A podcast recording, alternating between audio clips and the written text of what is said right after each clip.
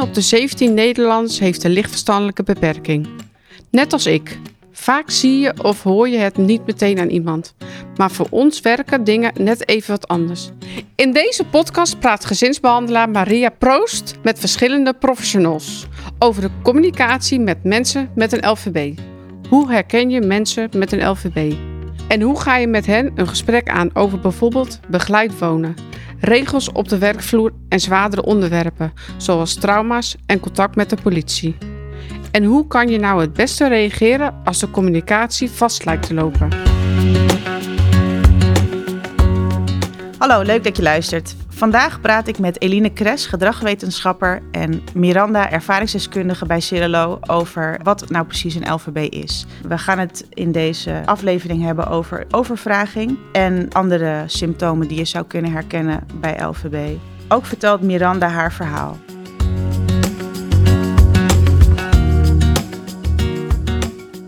We gaan het vandaag hebben over LVB en de signalen van LVB en hoe je die het beste kan herkennen.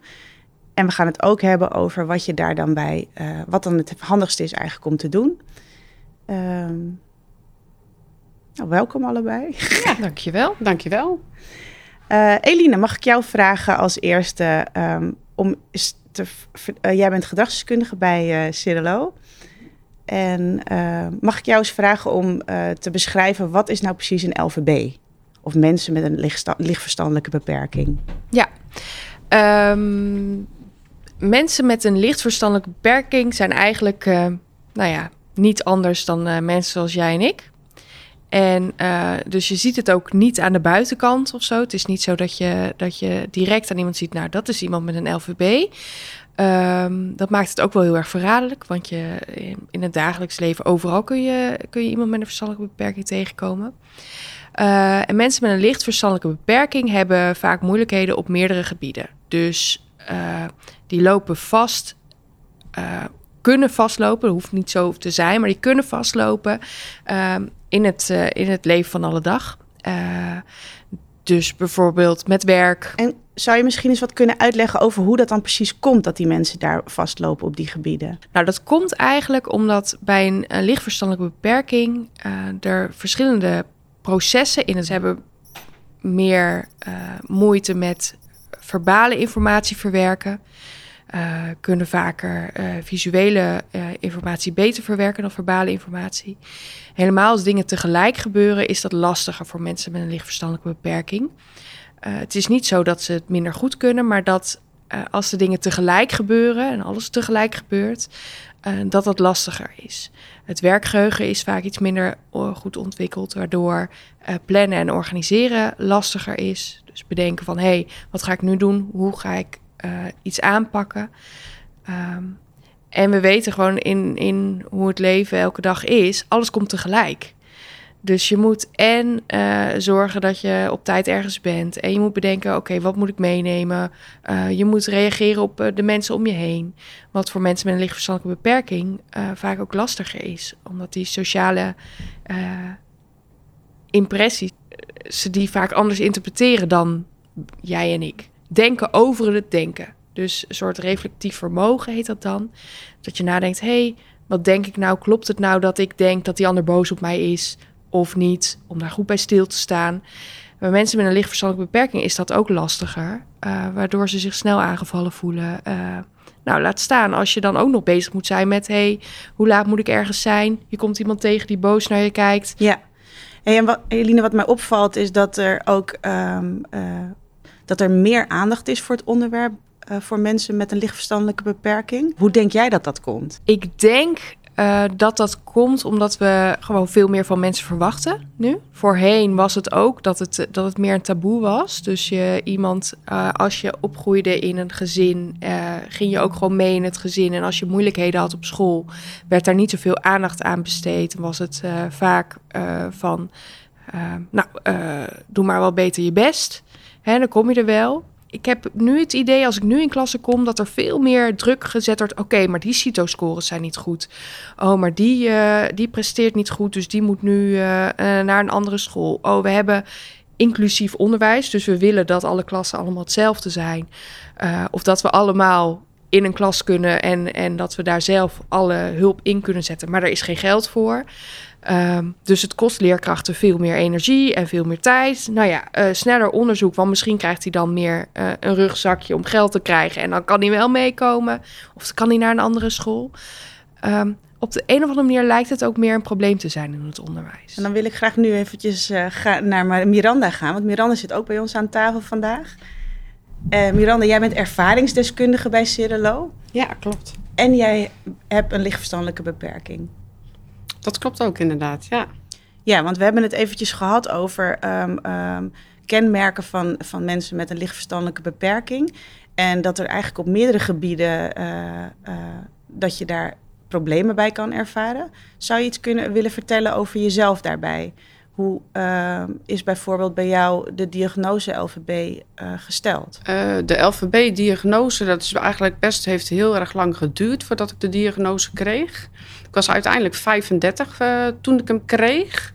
En het is eigenlijk door onderzoeken, escalaties, niet wetend. En uiteindelijk mijn therapeut tegen mij zei van ja, maar jij bent gewoon iemand met een lichtverstandelijk beperkt.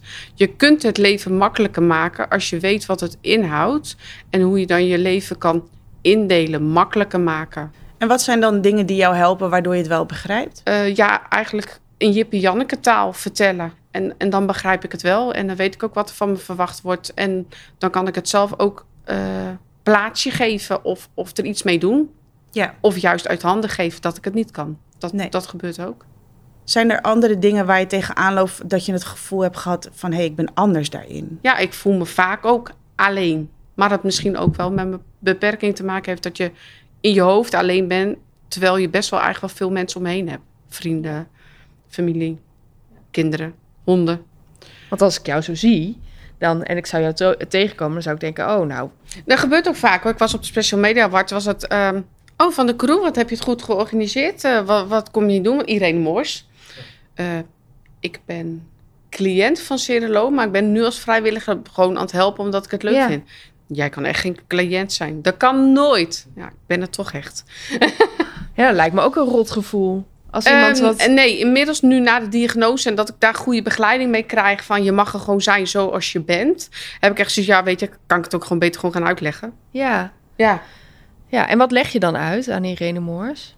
Nou ja, het was eigenlijk heel duidelijk dat ik uitlegde van... Uh, van ik gaf eerst compliment van de, deed de crew leuk en uh, niemand kwam door je heen door die controle van de corona en... Uh, en toen uiteindelijk zei ik, ja, ja, wat leuk begeleiding. Wat doe je normaal dan? Nou, ik ben ervaringsdeskundige bij Midden-Nederland. En oh, wat doe je dan? En nou, vertellen wat we deden, trainingen, vertellen over meer. En waar vertel je het over? Ja, over mijn lichtverstandelijke beperking, ervaringen.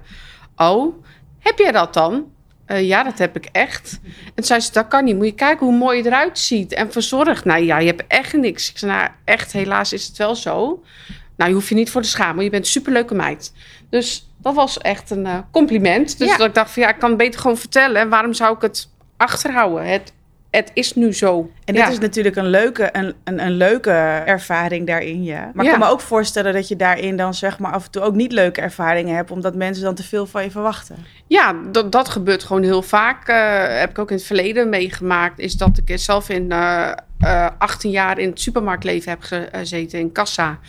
En ik vond het werk echt heel erg leuk. Maar het is wel heel veel van je gevraagd. Want je moet geld teruggeven aan de mensen. Doe ik dat wel goed? Of stellen moeilijke vragen. En dat, ja, dat vond ik zo lastig. Ja. En het moet op snelheid natuurlijk. Ja, het moet op snelheid. En ik werkte bij de Jumbo, dus vierde in de rij, hup, kassa oh, erbij. Ja. Dus dat ja. was vroeg voor mij echt heel veel. En toen uiteindelijk ben ik... Uh, ik was ook nooit gelukkig op mijn werk. Het was altijd maar moeten. En dat ik dacht, oh, ik ben weer thuis. En dan was ik moe, want ik lag om zeven uur op bed. Want de dag was op voor mij. En ik snapte gewoon niet waarom dat was. Op een gegeven moment is dus bij mij de, de, de lamp uitgegaan. En toen heeft mijn zus ook tegen mij gezegd... Miranda, en we gaan nu stoppen. Dit kan niet meer. Nou, dan ik, ik denk mijn verplichting. Je moet werken, je moet je geld verdienen. Want dat hoort, dat moet iedereen. Uh, toen ben ik uh, uiteindelijk twee jaar uh, ziek geweest, thuis gebleven, door de hele mode gaan, arbowet, noem maar op, noem maar op. En toen uiteindelijk ben ik afgekeurd. was ik de ene kant heel blij om van, hè, er wordt eens even iets niet van mij verwacht. Maar goed, toch zat er in mijn hoofd, ik moet wat doen voor de maatschappij, want je moet geld verdienen. Nou, uiteindelijk ben ik uh, als vrijwilliger gaan werken bij de kapsalon.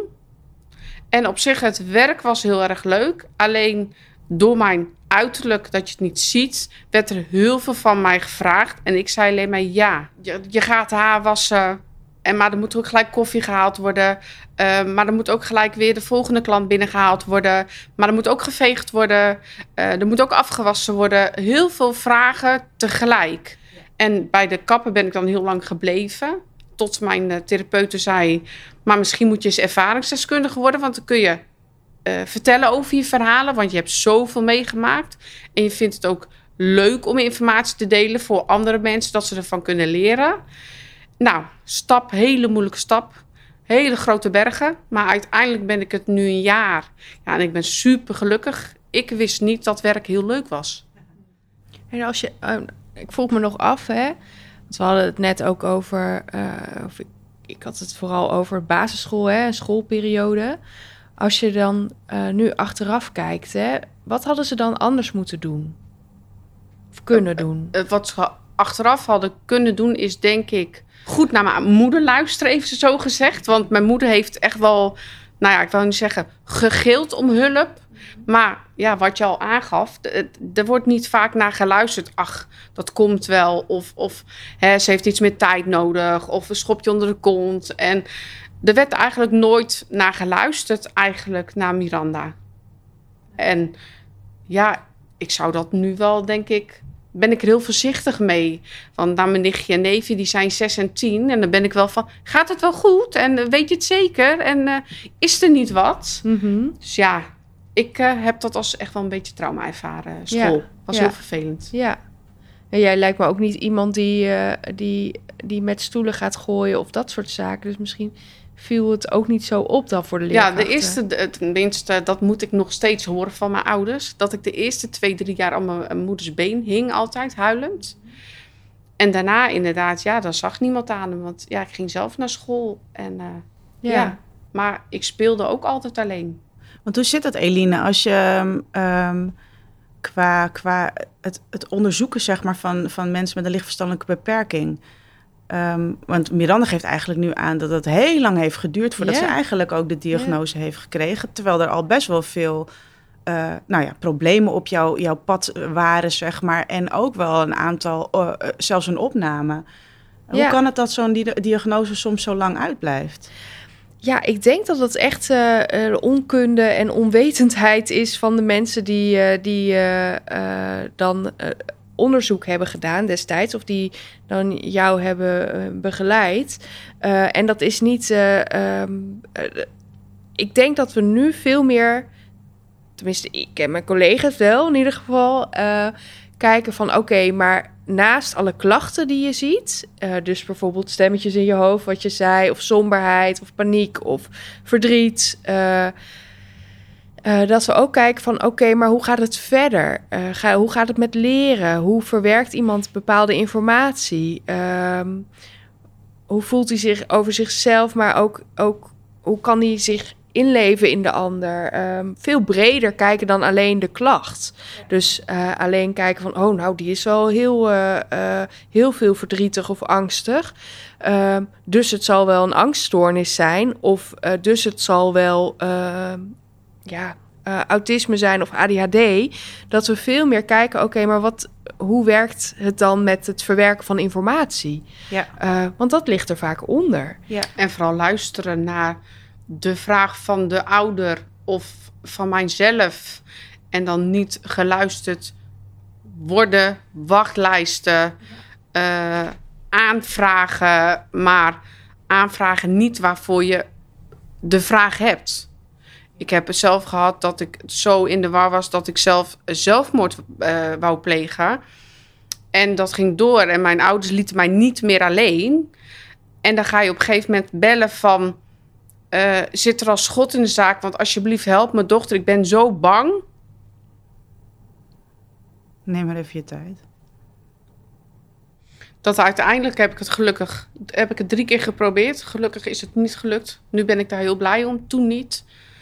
En uiteindelijk word je dan gebeld, ja, maar je werd opgegeven voor samen of op jezelf gaan wonen. En dat was niet de vraag. Ik wil geholpen worden. Ik ben ziek, ik ben depressief.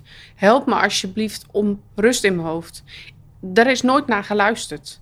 En dat, toen uiteindelijk ben ik bij een psychiater gekomen en die heeft me alleen maar volgeduwd met medicijnen. En dat is gewoon het rare van dan even de zorg. Je, er wordt ook niet naar geluisterd. Dus op een gegeven moment, ja, hou ik ook maar mijn mond. En ga maar gewoon verder. Gas erop. Ja. Gas, gas, gas. Dat was mijn insteek op een gegeven moment. En niemand wist ook. Niemand wist dat ik dwang had op een gegeven moment. Want ik word toch niet geholpen.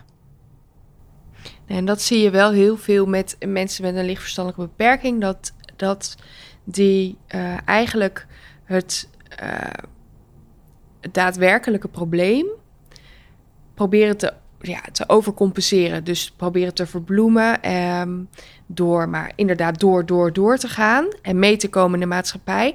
Maar ook bijvoorbeeld wat jij zegt, dwangklachten zien we heel veel. Um, omdat je dan ergens controle op hebt. Je hoofd uh, is zo druk en zo vol. Nou, dan maar de dingen rechtleggen, want dat is lekker overzichtelijk om structuur aan te brengen. Um, en ik denk dat het, dat het vooral belangrijk is om te kijken wat ligt er onder die klacht. En, uh, want ook veel ouders die ik zie, die zeggen: ja, zorg gewoon dat mijn kind niet meer zo angstig is. Zorg dat het ophoudt. Geef medicatie, geef behandeling. Uh, en dan zeg ik ook: ja, maar we moeten wel eerst begrijpen waar het door komt. Ja. Ik kan ook niet een pleister plakken op een, op een knie uh, die, die niet lekker werkt. als er iets heel anders aan de hand is. Ja. Als het eigenlijk een gewricht is wat net een beetje anders werkt dan, dan bij een gemiddeld iemand. Ja. Dus eigenlijk zeg je ook, er kan, er, er kan best wel veel nevenschade eigenlijk ontstaan. Zeker. In de vorm van bijvoorbeeld dwang of angst of andere, andere symptomen die voortkomen uit, uit uit een verwaarloosde uh, uh, lichtverstandelijke beperking, verwaarloosde hulpvraag eigenlijk. Ja, eigenlijk met alle hulp die je nu om je heen hebt, kun je in ieder geval meer genieten ook van het leven, merk ik. Ja, van de, ook van de kleine dingetjes. Ja. Uh, een wandeling met je hond maken, daar kan ik gewoon nu van genieten. Kan ik in mezelf zijn, kan ik de rust ook krijgen. Uh, met mijn nichtjes en neefjes, van de hele kleine dingetjes geniet je meer van. Het is gewoon, ja, het, dan is het leuker. Ja. ja. Vind, jij, vind jij dat er een stigma op zit? Op, op, dus dat mensen um, over een lichtverstandelijke beperking allemaal mening hebben die, die negatief is eigenlijk? Uh, ja, zeker. Want als ik bijvoorbeeld bij uh, wat ja, vreemde mensen of, of op straat en dan weten ze me van ja, want het is eindelijk Miranda heeft de lichtverstandelijk beperkt. Dan is het, er kan twee kanten op zijn. Ze kunnen zeggen wat vervelend voor je. En oké, hoe is dat voor je? Hoe ga je ermee om? Of ze in één keer gaan ze tegen een babytje praten. Oh, ja. En dat maak ik heel erg veel mee. Dat, dat, oh, kijk uit voor Miranda, kan niet. Want ze snapt het niet en ze doet het niet. En, en nou ja, ga maar weg. Dus dat, dat kom ik heel veel tegen. De, de, de baby praat tegen mij. En dat hoeft niet. Het moet alleen wat makkelijker uitgelegd worden, sommige dingen. Ja, en wat minder dingen tegelijk. Ja, stap voor stap. Ja, want wanneer, wanneer moet jij jezelf uitleggen? Zijn er momenten in, je, uh, in, in het dagelijks leven dat jij het idee hebt van... hé, hey, nou moet ik iets over mezelf uit gaan leggen? Ja, nou dat is de laatste tijd best wel veel voorgekomen... dat ik uh, vaak paniek heb uh, om het corona-verhaal. Mm -hmm. dan dacht ik dat ik het had, maar ik was zo in paniek... dat ik dan het s'avonds gebeurde en dan naar de huisartspost moest... om te kijken of ik het had... En dan kom je daar en dan is het, ja, maar u mag alleen naar binnen. Uh, nee, ik heb mijn vader meegenomen en ik wil graag dat hij meegaat, want ik snap het anders niet. Nee, maar dat gaan we doen. Maar ik heb een lichtverstandelijk beperkt. Ik snap niet altijd wat jullie zeggen. Ik wil graag dat er iemand meeluistert en bij mij is, want ik vind het spannend. En dat heb ik, denk ik, in de hele coronatijd zeker wel zeven of acht keer meegemaakt. En dat is wel elke keer eh, confronterend. Want je moet het gaan uitleggen. Ik ben lichtsverstandelijk beperkt. Ik neem iemand mee. Aan de telefoon eigenlijk al. En dan kom je daar en dan wordt er gezegd... maar jij gaat niet mee naar binnen. Moet je nog een keer uitleggen. Dan ga ik nog een keer. En dan word ik eigenlijk een beetje boos. Want ik denk, ik heb het er eigenlijk al van mezelf heel trots dat ik heb gezegd: ik heb een beperking, ik neem iemand mee. En dan uit kom je daar weer, moet je het weer uitleggen. Ja. En dat, ja, dat moet ik heel vaak. Ook bij artsen, huisartsen. Nou, je blijft het maar vertellen. Ja. En dat is soms, denk ik wel eens, ja, laat ik het maar op mijn voorhoofd schrijven. Want ik ben dat uitleggen ook wel, vind ik ook niet fijn altijd om te doen. Want dan komt er ook een stukje schaamte natuurlijk. Ja, dat kan me voorstellen. En je moet het best wel op veel plekken doen. Want als ik zo hoor dat je inderdaad, als je, als je een keertje naar het ziekenhuis gaat of naar de huisarts en je neemt iemand mee en je moet dat al uitleggen. Dat is eigenlijk. Uh, ja. Dus dan ja. kom je dat wel vaak tegen. Ja, ik kom het ook echt heel vaak tegen. De laatste keer had ik het dan, uh, had een keelontsteking en uh, mijn vader ging met me mee. Maar ik dacht dat ik echt stikte zowat, zo dicht zat het. Ik had gezegd dat ik negatief was getest. En dan komen ze, vind ik, in een clownspak komen ze mij ophalen. Maar dan word ik in zo'n kleine ruimte gezet en ik moest daar alleen in. Nou, dan ja, gaan bij mij de stoplicht op zwart. Nou, uiteindelijk, ja, oké, je vader mag mee. En dan uiteindelijk zit je daar. Oh ja, nee, jij bent negatief getest. Ja, dat heb ik toch gezegd. En ik heb ook gezegd dat ik een begeleider meeneem. Nou, en dan zou ik door een arts gezien worden. Wordt niet door een arts gezien. Voor mij is dat heel onduidelijk. Want je wordt gezegd, je wordt door een arts gezien. Uh, je, je moet antibiotica. Dus voor mij was van tevoren al gezegd wat er ging gebeuren. Dat vond ik fijn. Maar toch kom je daar en is het heel anders. En dan gaat bij mij, zoals ik het, ja, mijn therapeut ligt dus zwart. Mijn stoplichten gaan op zwart. Ja. En dan ben ik niet meer voor reden vatbaar. En dan neemt mijn vader of wie dan ook bij me is, uh, neemt het over. Ja, want eigenlijk kost dat zoveel. Ik, ik hoor eigenlijk heel veel stressmomenten waarin je dus continu uh, bezig bent om, om te begrijpen wat gebeurt er om me heen, wat gebeurt er om me heen en wat kan ik daar. En eigenlijk doe je dat heel. Je hebt, je hebt voor jezelf heb je blijkbaar iets heel goeds bedacht om je vader mee te nemen, zodat jij, uh, omdat je weet van jezelf, die heb ik nodig om, om het begrijpen, zeg maar, voor mij duidelijker te maken. Um, maar ik kan me ook voorstellen dat heel veel mensen dat niet hebben, dat ze iemand meenemen of dat niet dat inzicht hebben van hé, hey, ik heb iemand nodig als ik naar een ingewikkelde afspraak ga. En herken je dat? Dat je dat of herken ja, ik heb, heb, ik heb uh, gelukkig het uh, ervaring dat ik eigenlijk mijn ouders en mijn zus, maar eigenlijk altijd echt supergoed overal mee geholpen hebben. Maar ik weet ook om me heen, na een jaar ervaringsdeskundigen, die het niet hebben. Die moeten het alleen doen. En dat is gewoon echt heel ingewikkeld voor die mensen. Ja. Dan zou ik ze zelf wel, kom maar, ik geef je een hand en ik ga met je mee, want ik weet hoe het voelt. Dus ja, ik, uh, het lijkt me heel vervelend als je geen hulp hebt of, of ja, geen begeleiding daarvoor. Eline, kun jij eens uitleggen wat, wat uh, oorzaken kunnen zijn van uh, een lichtverstandelijke beperking? Ja, we weten het niet bij iedereen. Dus het is niet zo dat ik bij elke, elke persoon kan zeggen: oh ja, nou daarom. Um, maar het, het kan inderdaad een genetische uh, factor zijn. Dus uh, we zien het wel veel dat bijvoorbeeld ouders ook een verstandelijke beperking hebben. Of uh, andere mensen in de, in de bredere familie een verstandelijke beperking hebben. Um, en we zien het heel erg in, bij bijvoorbeeld vroeggeboortes of zuurstoftekort bij de geboorte. zodat je in het brein eigenlijk het brein of anders ontwikkeld is. Of dat er schade is ontstaan wat je niet gelijk op een plaatje terugziet, maar wel uh, wat er is. Um, ja, en sommigen hebben, hebben gewoon ook pech. Je kan het ook heel erg bij een syndroom hebben. Dus dan is het meer dat het een, een afwijking is in de DNA. Uh, dus daarom zeggen we wel altijd van, nou laat dat ook uh, goed onderzoeken. Of daar uh, niet in het, ja, dat kun je met bloedonderzoek doen. Of daar niet een afwijking in zit. En wat maakt het belangrijk om, om te weten waar het vandaan komt? Ja, omdat je dan een beetje kunt, kunt voorspellen ook hoe de toekomst gaat zijn. Het is niet dat we dan een glazen bol hebben. Um, maar bijvoorbeeld als je een, een genetische afwijking hebt, daar komt vaak ook bij kijken dat er lichamelijke problemen bij zijn.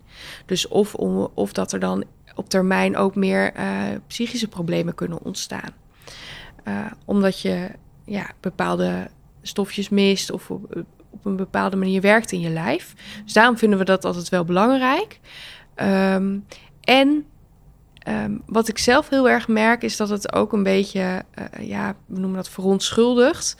Als jij weet van hé, hey, het kan daar en daar doorkomen. Het komt omdat ik te vroeg geboren ben. Ben, uh, het komt omdat ik zuurstoftekort heb gehad, dan is het niet van, nou ja, dat is je eigen schuld of dat is je eigen, uh, uh, ja, dan moet je maar even goed fixen of dat doe niet zo dom. Um, ja, dan, dan hebben veel mensen ook wel het gevoel van, oké, maar daar, daar kon ik echt niks aan doen. Ja. Miranda, weet jij waardoor je een verstandelijke beperking hebt? Uh, ja, ik, uh, daar ben ik ook pas echt bij de, laatste diagnose voor LVB achtergekomen. Dat het echt komt omdat ik uh, twee maanden te vroeg geboren ben. Mm -hmm. En daar veel achterstand heb door. En was het voor jou fijn om te weten van... Um, aha, dat, dat ik te vroeg geboren ben, dat kan er een beetje de oorzaak van zijn? Bij meedragen? Uh, ja, ja, want het is wel fijn inderdaad dat je weet een beetje waar het vandaan uh, kwam, komt. Dan inderdaad dat je het niet zelf doet. Want ik ben ook in het verleden heel erg tegengekomen dat mijn ouders de schuld krijgen. Je had het beter moeten behandelen, je had dit moeten doen, je had zo moeten doen. Terwijl het eigenlijk heel erg oneerlijk is, want het heeft gewoon een oorzaak. En dat vind ik heel lastig, want ik ben 35 jaar in de zorg tegengekomen. Je ouders zijn de schuldigen. Dus ik kom bij elke zorgvraag kom ik binnen. Als jullie mijn ouders de schuld gaan geven, dan weet ik het gat van de deur te vinden en dan ben ik weg. En dat achtervolgt mij ja, dagelijks. En dat vind ik vervelend, want het is ook naar hun toe dat ik denk, hun hebben zo voor mij geknokt, nog iedere dag, iedere nacht bijna, om mij te helpen. Maar de buitenwereld zegt, geef er maar een schop onder de kont, is 36, trap er maar de huis uit. Maar zo is het niet. En gelukkig wij als gezin en mijn zus en mijn zwager zijn we echt daardoor eigenlijk het afgelopen jaar heel hecht geworden. Omdat ze me proberen te begrijpen, mij ja, helpen waar het is. Maar mijn familie, dat is gewoon niet handig. Die weten niet wat bij mij in mijn hoofd omgaan. En die willen het ook niet snappen. En ze willen geen eens het proberen te snappen. Dus dat, ja, dat is heel na, want ik ben eigenlijk wel een gezelligheidsmensje die het graag zou doen. Maar ja, mensen die niet, mij niet willen begrijpen nu, is het voor mij gewoon klaar. Ja, maar je hebt duidelijk goed. team Miranda heb je, heb je om je heen. Je ouders ja, zeker, zeker, Ja. absoluut. Echt, ik kan niet anders zeggen, maar ik wel gewoon moeite heb dat om me heen de buitenwereld mij niet altijd gewoon neemt zoals ik ben. En, en je hoeft het bij mij niet over hele moeilijke zaken te hebben, maar je kunt het toch ook over leuke dingen hebben. Nee, ga maar niks tegen Miranda zeggen, want Miranda is toch, ja, volgens hun dom. Of moet een schop onder de kont. Of is verwend door de zus en door de ouders. Maar dat is het niet. Ze helpen mij juist. Ik ben niet verwend, maar ze helpen juist. En dat moet ik zien. Dat, dat is. Die buitenwereld moet gewoon stoppen met die bevooroordelen. Mhm. Vind ik. Ja, dat zeg je echt heel erg mooi inderdaad. Ja, gewoon Want- stoppen met bevooroordelen. En kijk het. eh, ja, ga een gesprek met die mensen aan. Ja, En hoe het voelt. Dat hoor ik ook wel vaker, dat je eigenlijk het, dat je weg wordt gestopt in een soort van hokje van jij hebt een LVB of een lichtverstandelijke beperking. En, eh, en daar in dat hokje zit jij. Terwijl Ja. je gewoon Miranda bent eh, met allerlei mogelijkheden en, eh, en allerlei ambities, allerlei wensen, allemaal dromen. En, en, en dat telt ook mee. En als je daar ook aandacht voor hebt, dan, eh, eh, dan kan je elkaar begrijpen, zeg maar, als mens. Want dat hoorde ik je net ook zeggen, dat je het eigenlijk heel belangrijk vindt dat er iemand gewoon naar je luistert of dat iemand je probeert te begrijpen of moeite doet om je te begrijpen. Ja, gewoon het gesprek gewoon aan met Miranda. En als ik het bewijs niet begrijp, zou ik het ook kunnen vragen. Maar wat bedoel je daarmee? Of Ja, eh, kun je het anders uitleggen? Maar ja, dat is soms gewoon niet te doen. Ik ja, doe er eigenlijk ook al geen energie meer in steken, hoe moeilijk het ook is. Want soms wil ik wel eens gaan gillen van jongens, luister gewoon naar me.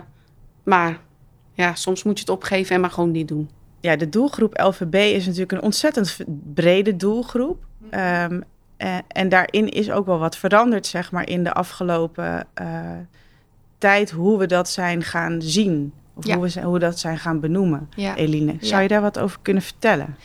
Eh, ja, dat is eigenlijk omdat het, het, eh, het beeld vanuit de wetenschap, vanuit de psychiaters en psychologen ook, ook echt is veranderd.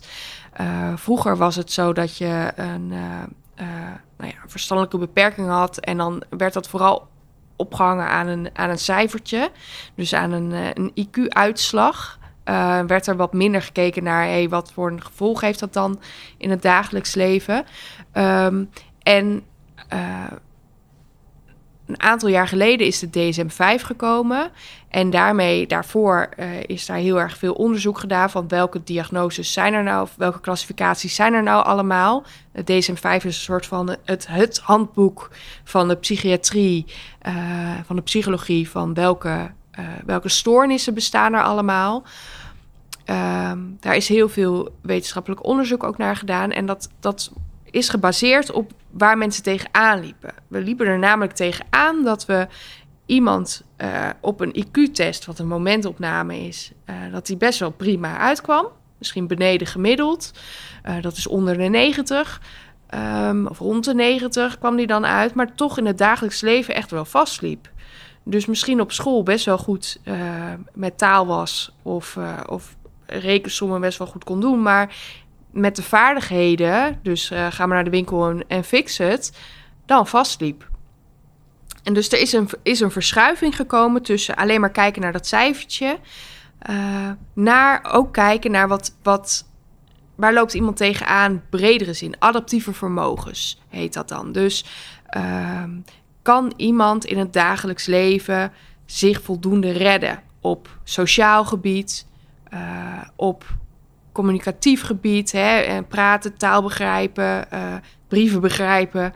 Um, en op de dagelijkse vaardigheden. Kan iemand een huishouden runnen? Uh, en op elke leeftijd is dat natuurlijk anders. Ik ga niet aan een kind vragen: hey, kun jij je rekeningen betalen? Want dat, dat is gewoon niet reëel. Um, maar daar kijken we dus wel, wel naar. En wij diagnostici en gedragswetenschappers, psychiaters um, kijken nu veel meer naar dat stuk uh, dan dat cijfertje alleen. Ja, dus je uh, zegt eigenlijk eerst klassificeerden we uh, meer op IQ en nu gaat dat eigenlijk meer op IQ en adaptieve vaardigheden. Ja, waarbij het zwaartepunt dus veel meer ligt op die adaptieve vaardigheden. Ja. Um, we zien heel veel mensen bijvoorbeeld in de verslavingszorg of uh, mensen met, uh, met agressieproblematiek, die steeds maar weer terugkomen. Um, en waar nooit is gekeken van hé, hey, maar hoe, hoe redt hij zich in het leven? Ja. Hoe houdt hij zich staande in het leven? En dat heeft gewoon veel meer factoren zijn daarbij. Uh, zijn daarop van invloed dan alleen maar hoe je brein werkt. Um, het is namelijk ook zo dat het heel erg te maken heeft met waar groei je in op, in welke buurt, wat is je achtergrond, um, wat krijg je mee van thuis, van je omgeving. Uh, dus het is veel breder dan alleen zo'n klassificatie, dan alleen zo'n IQ-cijfertje.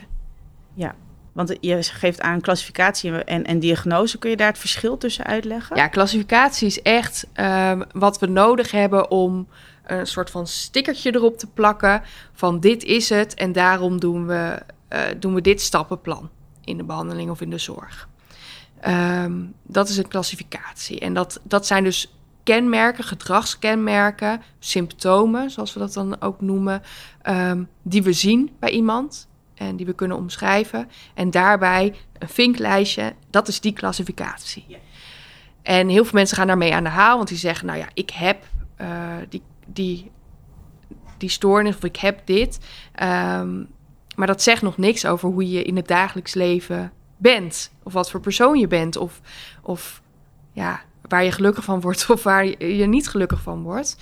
En de diagnose is meer zo'n soort van beschrijvend beeld van met alle uh, kwetsbaarheden, alle krachten, alle uh, ja, je levensgeschiedenis ook. Wat voor gezin je bent opgegroeid, wat voor gezin je zelf hebt misschien. Um, waar, je, waar je tegenaan loopt in het leven. Dus veel meer een, een verhaal eigenlijk over wie je bent. Ja. En die, uh, want die klassificatie die ligt best wel, uh, dat is ook best wel breed, zeg maar. Want het IQ tussen um, de, de 50 en de 85 is best wel breed. Ja.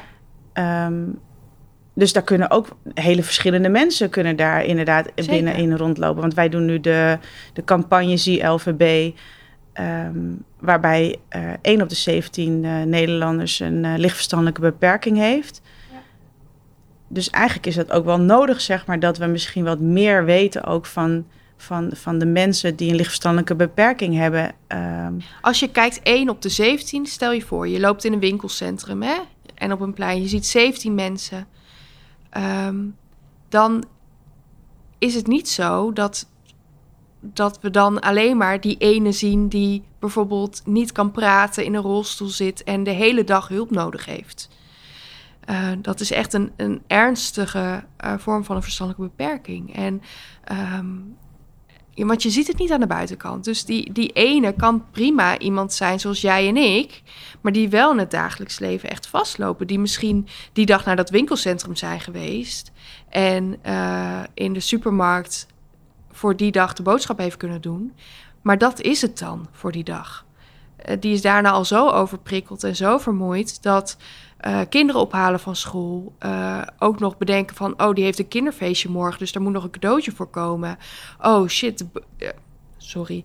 de biepboeken moeten naar, terug naar de biep. Um, ach, nee, de kat die heeft, de kattenbak moet verschoond worden. Al die extra dingen, ja, dat, dat is te veel. Maar dat zie je niet aan de buitenkant. Want het is niet die persoon die we dan uh, nog van vroeger bedenken... oh, maar verstandelijke beperking. Oh, dat is in zo'n instelling in de bossen. Die moeten de hele dag gevoerd worden. Uh, of die, die zijn alleen maar uh, misschien één keer op een dag op een kinderboerderij... een beetje met, met de dieren aan het, aan het knuffelen. Die zijn er ook. Maar het is een hele grote range... Uh, van mensen met een verstandelijke beperking. En daarbij zijn ook natuurlijk heel veel verschillen. Want als jij zegt uh, over adaptieve vaardigheden, dat gaat dan echt over inderdaad de dingen die je in het dagelijks leven moet doen, die je dan ingewikkeld vindt. En je zei zelf net ook, en dat herken ik ook van mezelf, dat het, dat, het al best wel ingewikkeld is soms om een DigiD-code aan te vragen, om belasting in te vullen, om uh, een, een, formulier ergens voor te vinden of er überhaupt achter te komen hoe je ergens moet komen, zeg maar, als je iets wil. Um, en bij de een, uh, bij jou Miranda, uh, uit dat zich op een hele andere manier dan, uh, dan misschien bij iemand anders. Ja. ja, zeker. Maar ik denk dan wel, wat ik een beetje mee heb genomen uit het hele gesprek, is dat um, het stukje dat de hersenen eigenlijk wat trager we werken bij mensen met een lichtverstandelijke beperking wel een beetje de kern is. Ja. En daardoor, omdat wij heel veel van elkaar vragen, dat het daardoor voor mensen met een lichtverstandelijke beperking juist te veel is soms gewoon in de wereld. Klopt ja, dat, Miranda? Dat je, dat je dan te veel vraagt inderdaad aan, aan ons, zoals ons, zeg maar. Maar qua creativiteit en praktisch, ja, dat, dat kan ik wel echt heel goed in zijn. Ja. Daar kan ik uh, wel heel goed uh, vertellen hoe dat moet. En, uh, en dat mijn zus dan met een hoog IQ zegt, hoe bedenk jij dat?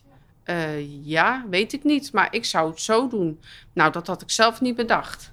En daarin zitten ook nog heel veel verschillen. Want ja. de een met een lichtverstandelijke beperking is juist helemaal niet zo handig met die praktische dingen of met creativiteit. Um, of de een die, die dat je een gesprek voert dat je denkt: wow, nou die, die is verbaal echt heel sterk. Goede zinnen, um, ingewikkelde woorden en de ander niet. Dus het, het, het heeft heel veel verschillen. Maar het is inderdaad, denk ik, de overkoepelende dat het brein uh, minder snel werkt. En iedereen heeft zijn kwaliteiten. En dat is denk ik het belangrijkste om die te benutten. Oké, okay, nou dan uh, wil ik jullie in ieder geval heel erg bedanken voor dit mooie gesprek. Bedankt dat je de tijd hebt genomen om te luisteren naar deze podcast.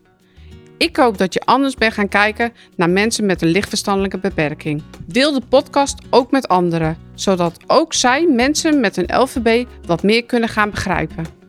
Kijk op cerelo.nl slash ZLVB voor meer informatie en een handige checklist om mensen met een lichtverstandelijke beperking beter te herkennen.